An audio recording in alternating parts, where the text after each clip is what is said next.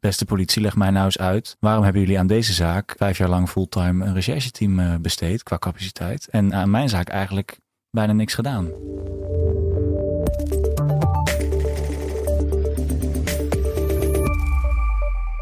Als je denkt aan de politie, dan denk je misschien aan loeiende sirenes en criminelen in de handboeien. Maar er is ook een kant aan de politie die je minder ziet, en dat is die van de digitale politie. We hebben het in voorgaande afleveringen gehad over cybercrime en data science, maar dit keer gaan we het hebben over artificiële intelligentie, AI dus. En dat doen we met uh, Rutger en Roel. Roel, kun jij iets zeggen over jouw rol bij de politie? Nou, ik ben zes jaar geleden bij de politie gekomen als uh, recherchekundige. Een zij-instromer die uh, binnen de recherchewereld instroomt. Maar momenteel werk ik bij het Q-team. En het Q-team is een soort start-up binnen de politie die aan innovatie doet. En die is bottom-up ontstaan drie jaar geleden. Uh, vanuit de behoefte om uh, de snelheid waarin de maatschappij eigenlijk verandert, om ook uh, snelheid te houden in, in onze eigen organisatie. En Rutger, jij bent collega binnen het Q-team. Wat is jouw rol precies? Ja, klopt. net als rol ben ik ook ehm, bij de politie komen werken middels de recherchekundige opleiding. Ehm, maar mijn achtergrond is iets anders dan die van rol. Die is meer forensisch, zowel qua vooropleiding als qua werkervaring. En in die hoedanigheid heb ik ook ehm, bij het cold case team van de eenheid Oost-Nederland gewerkt. Jullie krijgen nu meer de ruimte om aan die innovatie te werken. Lukt dat ook? Is dat een grote uitdaging? Ja, dat vind ik wel. er is in ieder geval een, een wereld te winnen. Zeker uh, op, uh, op nieuwe technologische gebieden, zoals, uh, nou ja, het werd net al even genoemd, data science of artificiële intelligentie. Waarom zouden we als politie daar niet op kunnen innoveren? Kun je iets meer vertellen over de cold case kalender? Uh, is, is een idee wat we vanuit uh, wat uit Amerika is komen overwaaien. Daar hebben ze een cold case kaartspel wat ze verspreiden in gevangenissen. En in Nederland is er een, is er een andere keuze gemaakt voor een, voor een, een, een ja, manier waarin geen spel verwerkt zit. En dat is een kalender geworden. En op die kalender staan jaarlijks 52 cold cases.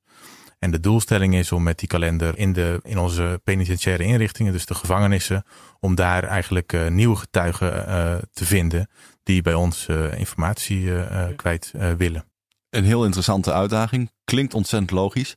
Hoe gaat het Q-team dit nou aanpakken? Nou, we hebben dus een schatting gemaakt uh, en dan schatten we dat we 25 miljoen pagina's aan ongestructureerde data hebben. En dat, is dus, uh, dat zijn dus gegevens die uh, onze regisseurs op dit moment eigenlijk handmatig doorploegen op zoek naar aanknopingspunten. Dat is een boelwerk. Ja, en uit onderzoek weten we dat cold cases over het algemeen worden opgelost door twee elementen.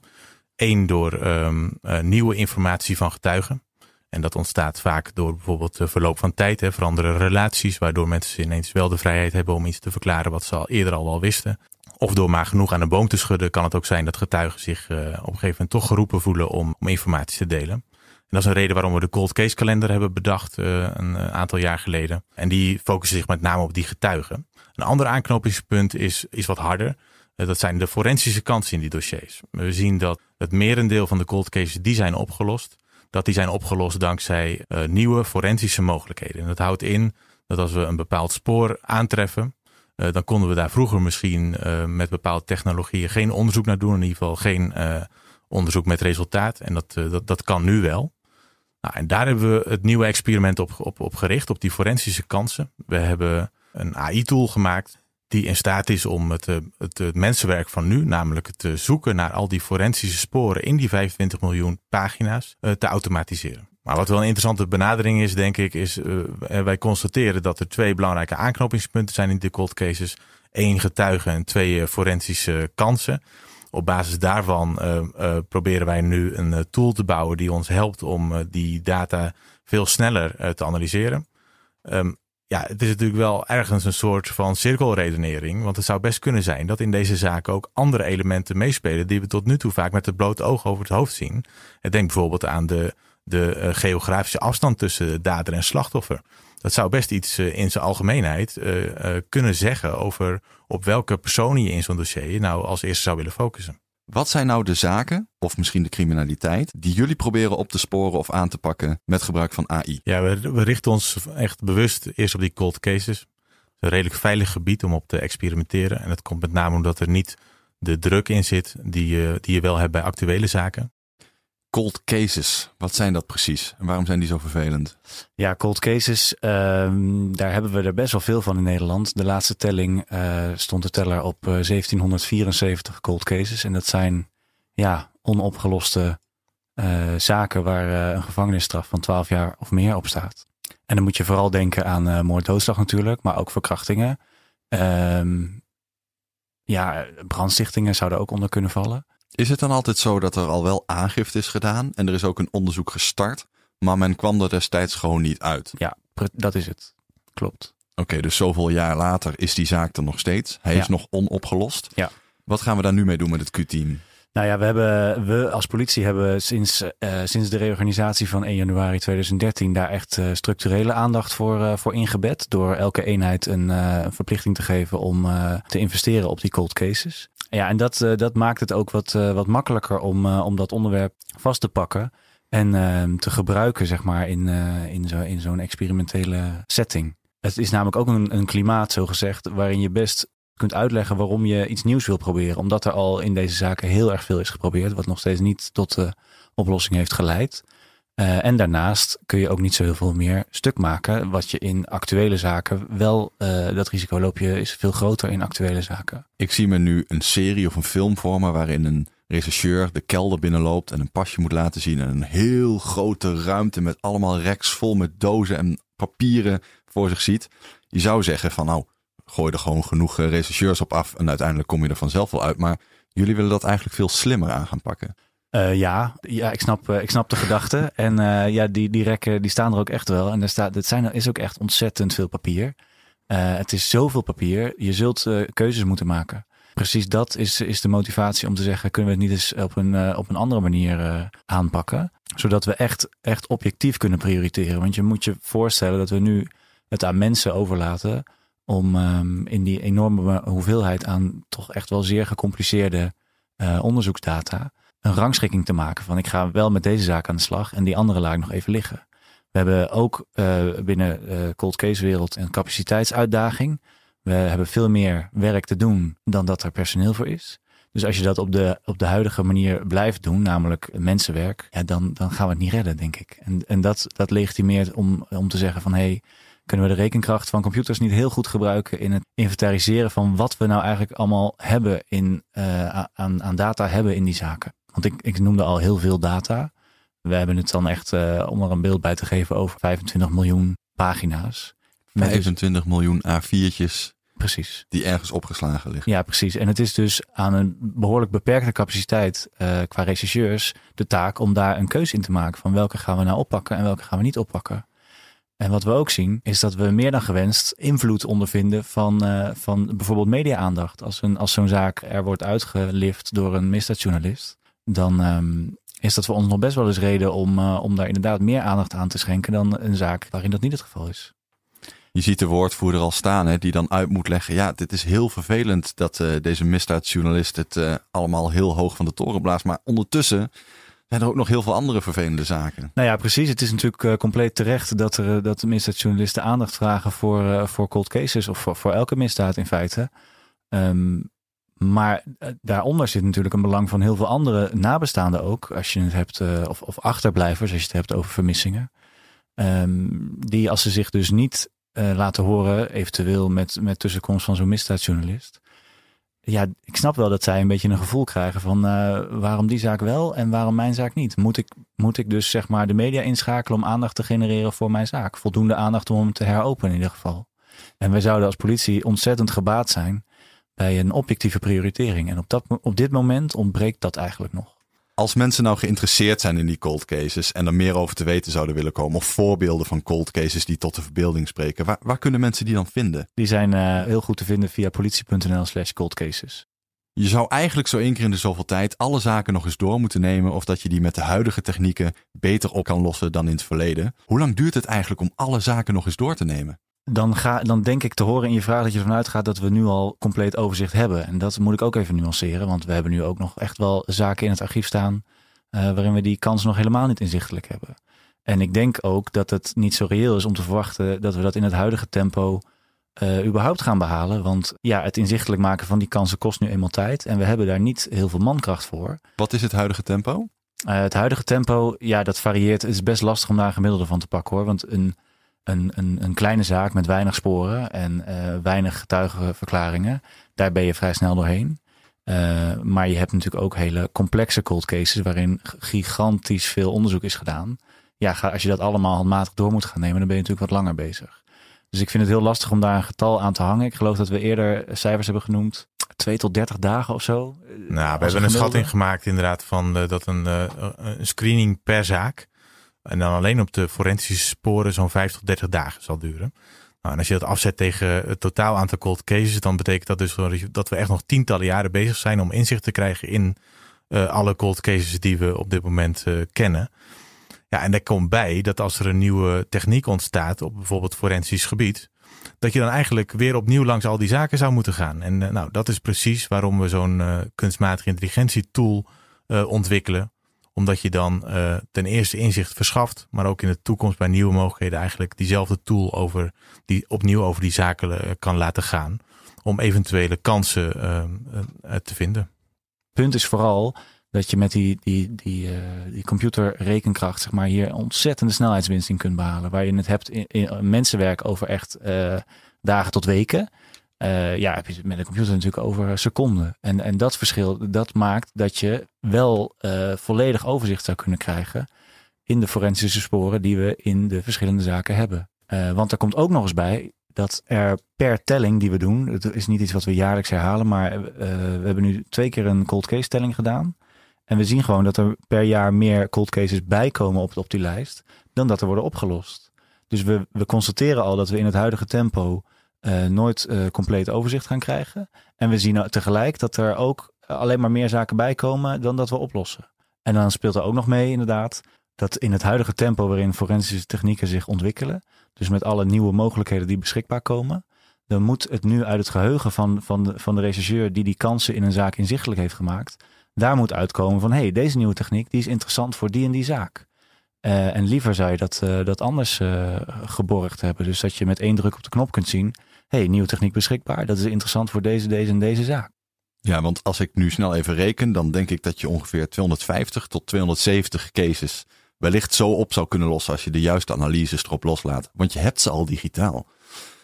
Maar ja, dat wil niet zeggen dat al die andere uh, onopgeloste zaken niet ook heel veel aandacht zouden vereisen. En is het dan een kwestie van, joh, we gaan alle 25 miljoen A4'tjes gewoon lekker met de hand staan scannen? Of is dat ook weer slimmer te doen dan dat? Nou, ik denk dat het wel even belangrijk is om uh, een kleine nuance aan te brengen. Um, de AI-tool die we ontwikkelen is niet zozeer bedoeld om de zaak op te lossen. Okay. Maar nu uh, in deze fase vooral uh, gericht op het vinden van de forensische kansen. En op basis daarvan object, objectief te kunnen prioriteren met welke zaak we nou aan de slag gaan. Ja. Zodat we goed kunnen uitleggen hey, in deze zaak zitten gewoon uh, veel forensische kansen. Mm -hmm. Daar besteed ik als politie zijn dus liever mijn capaciteit aan dan aan de zaak waarin eigenlijk forensisch geen mogelijkheden meer zitten. Mm -hmm. Dus het is in, in, in deze fase, en je hebt gelijk hoor, in de toekomst is wat je schetste misschien best mogelijk.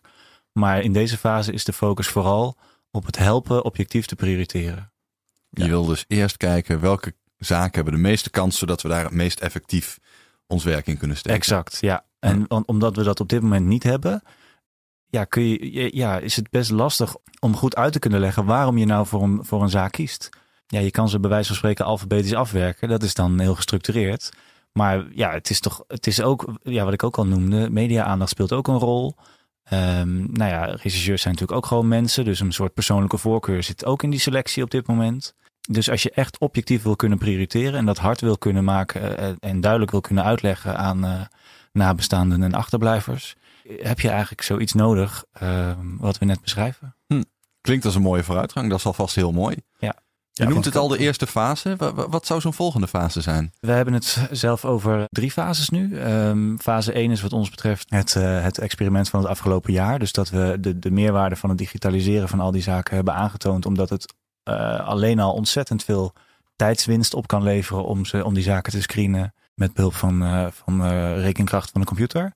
Fase 2 zou wat mij betreft zijn, nou ja goed, echt een operationele objectieve prioriteringstool. Dat is een beetje een lang begrip, maar daar hebben we het toch wel steeds over. En fase 3 is dan dat je echt, echt uh, ja, volwassen kunstmatige intelligentie gaat toepassen op al die zaken. En dat het je misschien wel meer gaat helpen echt in, in het opsporen, uh, opsporingsproces. En niet zozeer in het prioriteringsproces. Op 10 augustus in 1998 verdween de 11-jarige Nederlandse jongen Nicky Verstappen uit een jeugdkamp in Limburg. En die zaak spreekt enorm tot de verbeelding, want er was recent in het nieuws dat er een flinke doorbraak is geboekt in die cold case. Hoe kan dat eigenlijk? Kunnen jullie daar meer over vertellen? Ja, dan doe je op de aanhouding van uh, Jos B. En dat is zeker ook een doorbraak. Ja, zonder dat uh, succes zeg maar niet te willen doen of te willen bagatelliseren, heeft het ook wel een keerzijde. En die keerzijde die uit zich vooral dat andere nabestaanden zich uh, nu afvragen. Ja, um, een waanzinnig resultaat. Maar beste politie, leg mij nou eens uit. Waarom hebben jullie aan deze zaak vijf jaar lang fulltime een rechercheteam besteed qua capaciteit? En aan mijn zaak eigenlijk bijna niks gedaan. En um, als we ze dat uh, moeten uitleggen, dan moeten we ook gewoon eerlijk zijn en zeggen: Nou, uh, deze zaak heeft behoorlijk uh, wat media-aandacht gekend. er is jarenlang heel veel aandacht voor geweest. En er is gewoon, ja, mede daardoor is, er, is, is ook het OM overtuigd van het feit: we gaan nog één keer alles op alles zetten om deze zaak alsnog op te lossen. En dat is voor de zaak aan zich prachtig. Dat zou elke zaak verdienen. Alleen de realiteit is we hebben de capaciteit niet om aan 1774 cold cases dit soort capaciteit te besteden. En daarom zou de politie zo gebaat zijn bij een objectieve prioriteringstoel, waardoor je kunt uh, verantwoorden en goed uit kunt leggen van nou, we pakken deze zaak en daar gaan we op investeren, want daar zien we de meeste kansen in. En het spijt me, maar uw zaak, beste nabestaande, heeft wat minder kans, dus die heeft voor ons minder prioriteit. Dat zou een heel helder, transparant antwoord zijn. En nu ja, moeten we eigenlijk uh, bekennen dat externe factoren uh, gewoon een grote invloed hebben gehad op het prioriteren van deze zaak. En ik vind het een hele terechte vraag van de nabestaanden. Uh, ik heb het volgens mij al gezegd, maar het, het verbaasde mij enigszins dat die vraag na, na het succes van de aanhouding van Jos B. pas klonk. Het is echt een hele terechte vraag. Waarom deze zaak wel en mijn zaak niet? Het is ook heel erg bijzonder om op het nieuws een doorbraak te zien die je eigenlijk zelf ook heel graag zou willen hebben. Dus misschien is iemand een nabestaande verloren en die zit naar de tv te kijken en ziet de zaak Nicky Verstappen een, een grote doorbraak. En denkt, shit, dat wil ik zelf ook wel. Ja, natuurlijk. En ik kan me ook heel goed voorstellen dat die mensen een ontzettend uh, dubbel gevoel hebben. Aan de ene kant fantastisch wat voor resultaat daar is geboekt. Dat ze het uh, de familie Verstappen van harte gunnen. Dat ze ook heel blij zijn dat, uh, dat de politie dit lukt om deze doorbraak te boeken. Maar ja, inderdaad, er zal ook een gevoel spelen van en mijn zaak dan? Dat begrijp ik heel goed. Roel, hoe gaan jullie om met uh, die spagaat? Ja, dat, dat wil ik echt wel even goed benoemen. Hè. onze, onze reason to move van dit hele verhaal is gewoon dat we het echt niet uh, kunnen verkroppen dat er uh, daders van dit soort ernstige delicten nog steeds op straat rondlopen. Mm -hmm. En met de kans op recidive. En uh, daarbij komt, wat onze persoonlijke drijfveer met name is, dat is dat we de nabestaanden van deze um, slachtoffers van deze delicten, ja, duidelijkheid willen schaffen. Het, het, is, het is niet voor te stellen wat een verdriet deze mensen hebben. Dat is, het is echt niet voor te stellen. Wij denken dat als we nou, in, in ons experiment proberen we om een, om een tool te ontwikkelen die inzicht verschaft in alle cold cases die er zijn. En dan met name inzicht op dit moment nog op de forensische kant in die dossiers. Ja, dus je bent eigenlijk op zoek tussen al die 1700 plus cold cases die er nog zijn, naar die zaken die het makkelijkst op kan lossen. En niet zozeer naar de zaken waar toevallig het meeste media-aandacht voor is. Precies. Nou ja, niet dat media-aandacht onbelangrijk is hoor. Want ik zou dat zeker mee willen wegen, omdat het, het, is, het, heeft, het is wel een maatschappelijk effect. Ja. En ik zou dat zeker willen laten meewegen in de prioritering van een zaak. Maar ik zou het laat, uh, willen laten meewegen en niet zeg maar uh, de hoofdzakelijke reden zijn om, uh, om een zaak te heropenen. Ja, en even voor de duidelijkheid, ik denk dat een heleboel van, ehm, of, of dat een groot gedeelte van de tool en ook van de toekomstige tools, met name echt een hulpmiddel zijn van de rechercheur die als het ware op de achtergrond vooral adviseren hoe je bepaalde um, zaken verder kunt brengen. En we zijn op dit moment echt nog een beetje op de fase van het eigenlijk het het, het doorzoeken en het analyseren van die zaken. Maar denk bijvoorbeeld ook aan het eh, vinden van verbanden tussen zaken onderling. En daar hebben we al een paar hele mooie voorbeelden van, die door mensenwerk eigenlijk gevonden zijn. in 2017 is bijvoorbeeld de Rotterdamse serie moordenaar is, is opgepakt voor vijf verschillende zaken. Hebben een aantal rechercheurs zich maandenlang op, op die zaken stuk gebeten. En die hebben daar ehm, nou, tussen die zaken onderling verbanden gevonden. Die met het bloot oog gewoon heel moeilijk waarneembaar zijn. Maar die door, door de software die we kunnen bouwen, um, ja, veel sneller inzichtelijk gemaakt kunnen worden. Wat zou nou het ultieme zijn, het ultiem haalbare, om op termijn met dit soort zaken om te gaan? Want op het moment dat je alles van een zaak weet, dan weet je dus eigenlijk genoeg om de zaak wellicht uh, op te kunnen lossen. Hoe kom je nou van een uh, hele mooie ranglijst van zaken die makkelijk op te lossen zijn, een stap verder naar het oplossen van die zaak? Ja, nou in sommige gevallen is het, uh, is het wel eenvoudig en in andere gevallen is het helemaal niet eenvoudig. Ik denk ook dat er een heleboel zaken tussen zitten die we helaas gewoon echt niet gaan ophelderen. Omdat er te weinig aanknopingspunten zijn gevonden om op door te rechercheren. Zo reëel moeten we ook zijn. Die forensische sporen die zijn voor ons interessant omdat we uh, weten dat we dus in de tijd van het delict een spoor hebben veiliggesteld. Denk dan bijvoorbeeld gewoon heel simpelweg aan een trui met daarop een, een bloedspoor. Uh, wat we destijds niet konden onderzoeken. Uh, of misschien wel onderzocht hebben, maar met de middelen van toen niet tot een DNA-profiel heeft geleid. Wat we met de technieken van vandaag bij het Nederlands Forensisch Instituut opnieuw zouden kunnen onderzoeken. Met deze keer wel een resultaat van een DNA-profiel. Nou, het allermooiste zou, zou, zou zijn als we zo'n DNA-profiel vinden, dat dat DNA-profiel ook al in de DNA-databank zit. Zodat we eigenlijk uh, gelijk een match hebben. En in sommige cold cases is dat eigenlijk ook al gebeurd door het handmatige proces te volgen, door zo'n dossier goed door te lezen, een forensisch spoor te vinden, dat opnieuw in te sturen en vervolgens DNA-match terug te krijgen van het Nederlands Forensisch Instituut. Um, maar het is natuurlijk breder dan alleen die forensische sporen. En, en uh, ja, je, je noemt het ook, er zijn allerlei verbanden denkbaar uh, die in zo'n uh, dossier zitten, die uiteindelijk kunnen leiden tot een aanknopingspunt waarop een rechercheteam verder zou kunnen rechercheren. Daarnaast wil ik ook wel even benadrukken dat het natuurlijk ook een hele interessante dataset is. Als wij uh, 25 miljoen pagina's uh, gaan digitaliseren, want de politie heeft zich dus als doel gesteld om dat dit jaar uh, te realiseren.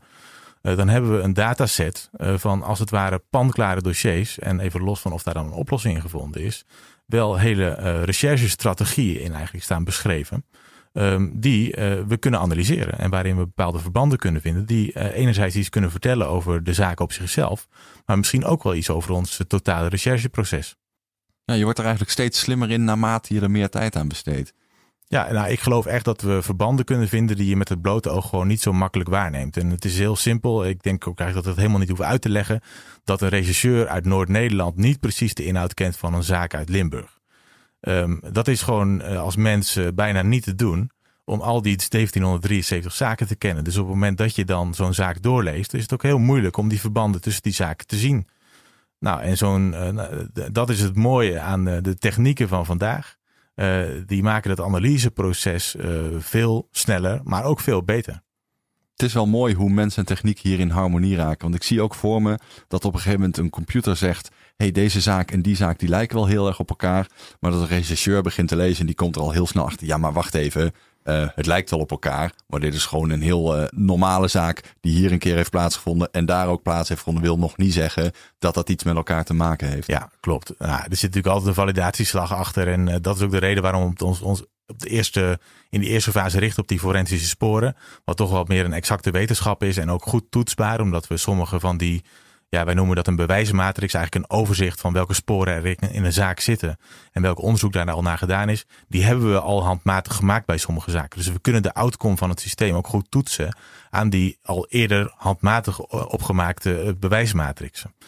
Um, nou ja, als we het gaan praten over die wat meer niet exacte uh, um, indicaties in het dossier, dus denk aan getuigenverklaringen, um, maar ook de interpretatie daarvan, dan wordt het veel uh, lastiger inderdaad. En dan zullen we toch als mens uiteindelijk moeten, uh, moeten interpreteren. Wat we nu met name doen is gewoon een, een data mining tool die in staat is om, om eigenlijk de, te doorzoeken en te analyseren. En de uitdaging zit er voor ons. En, maar dat zijn echt de volgende fase. Als je die dataset helemaal hebt, dat je dan um, uh, ja, met deze nieuwste technieken aan de ene kant op zoek kunt gaan naar die verbanden. En aan de andere kant, als het ware, kunt experimenteren met de ethische en de juridische dilemma's die vaak bij AI zeg maar om de hoek komen kijken. En zeker binnen, ja, binnen onze um, sector is dat dus super relevant, omdat we die transparante rechtsgang nou eenmaal kennen. Tegelijkertijd is het wel zo dat als je hulp zou kunnen krijgen bij zowel het indexeren van al die zaken als het oplossen, als de computer daar ook steeds beter in wordt, wellicht in de toekomst je die geschiedenis wel in kan gaan halen. Ja, precies. Ja, dat Is, maar dat is precies de drijvende kracht achter dit, uh, dit, uh, ja, dit nieuwe businessmodel, om het zo uh, te noemen. Wat zijn een aantal van die kenmerkende aspecten van een zaak waarop je zoiets zou kunnen toetsen? Ik zie in mijn hoofd al die rekken vol dozen vormen. Dat wil niet zeggen dat ik ze eerst allemaal moet scannen om toch die AI te gebruiken om uiteindelijk misschien wel een hele nuttige doos van het schap te kunnen halen. Ja, dat, dat is wel zo. Het is dermate ongestructureerd dat we echt praten over, nou ja, eh, je moet je voorstellen, dat sommige cold cases zijn, het zijn 30 jaar oud. Dus we zijn soms al lang blij dat eh, de inkt überhaupt nog eh, leesbaar is. Mhm.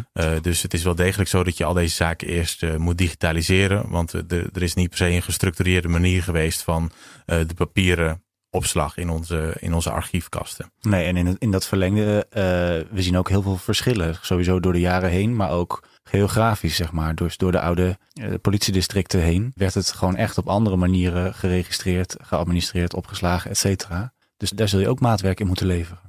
Op het moment dat je een AI zijn werk zou willen laten gaan, of in ieder geval een computer wil gebruiken om al die gegevens te analyseren, dan kan ik me voorstellen dat het niet handig is dat het allemaal 25 miljoen A4'tjes blijven.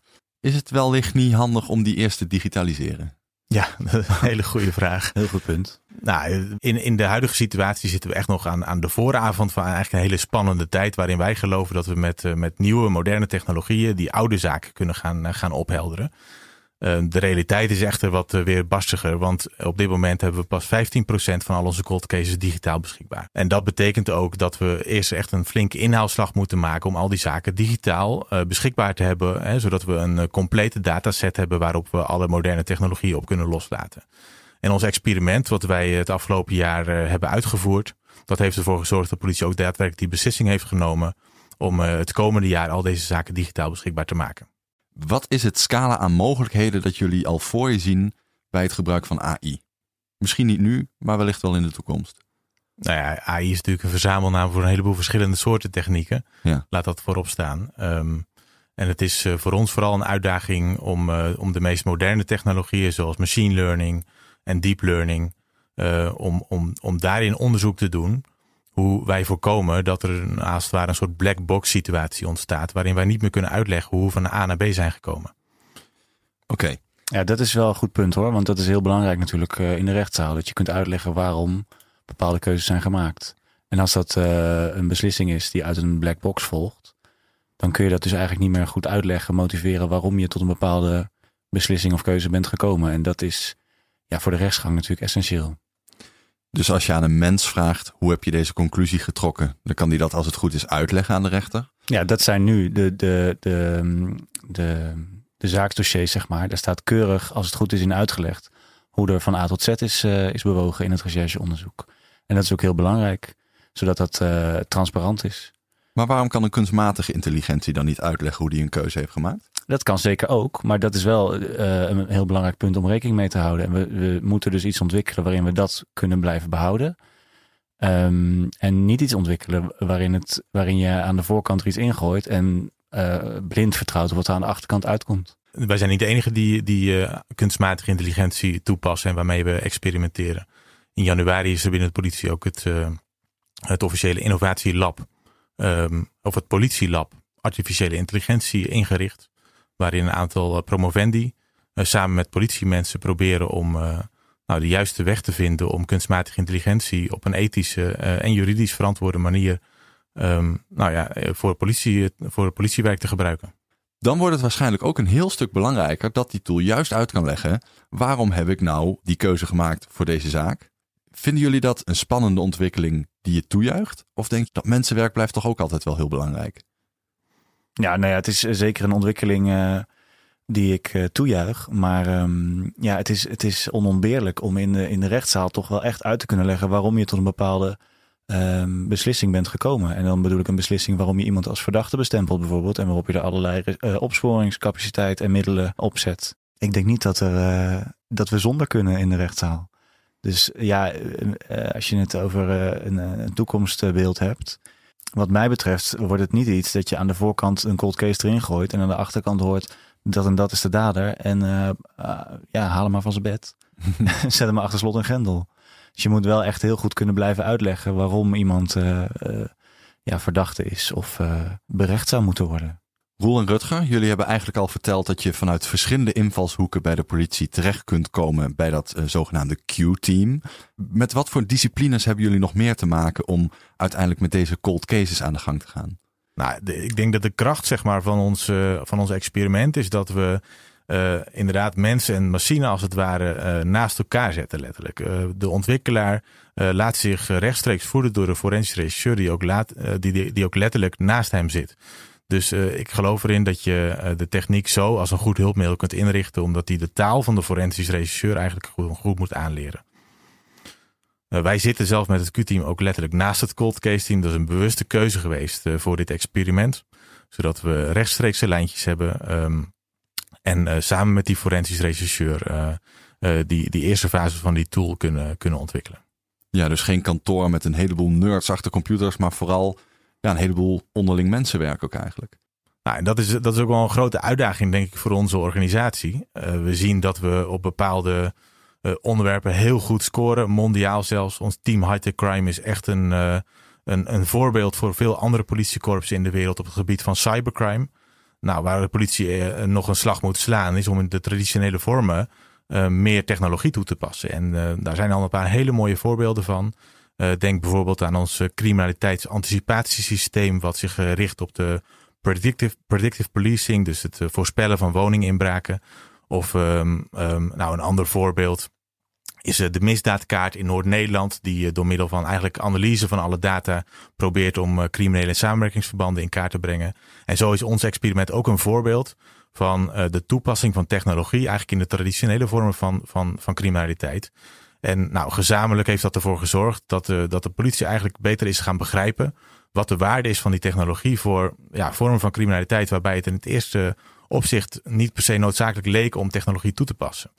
Nou, en, en dat heeft er onder meer toe geleid dat we in januari bekend uh, konden maken dat er in, uh, in de politie een zogenaamd politielab Artificial Intelligence is opgericht waarin een aantal promovendi samen met politiemensen proberen om, om kunstmatige intelligentie nog meer van toepassing te maken voor operationele vraagstukken. Klinkt als een mooi plan. Dat is het ook en het is ook echt noodzakelijk. En dat is ook ons bestaansrecht van onze Q-teams. we geloven echt dat de politie mee moet gaan in de snelheid van de maatschappij. En daarin vooral ook gebruik moet maken van die maatschappij. Dus, dus, dus in die zin ben ik ook wel blij dat ik hier vandaag zit omdat ik bijvoorbeeld de, de doelgroep van tweakers een hele interessante doelgroep vind voor de politie. Uh, die van absolute meerwaarde kunnen zijn in ons bedrijf. Als het gaat om politiewerk, dan is natuurlijk AI iets dat behoorlijk tot de verbeelding spreekt. Dus waar zouden mensen daar meer over te weten kunnen komen als ze dat interessant vinden? Nou, als er mensen zijn die, uh, die met, uh, met deze uh, achtergrond denken van meerwaarde te kunnen zijn voor onze organisatie. En nogmaals, we zijn er echt wel hard naar op zoek. Dan kunnen deze mensen zich melden op de website IT it.combijdepolitie.nl. it.combijdepolitie.nl. Een hele mooie website met meer informatie over alle onderwerpen waar we het in deze podcast over hebben gehad.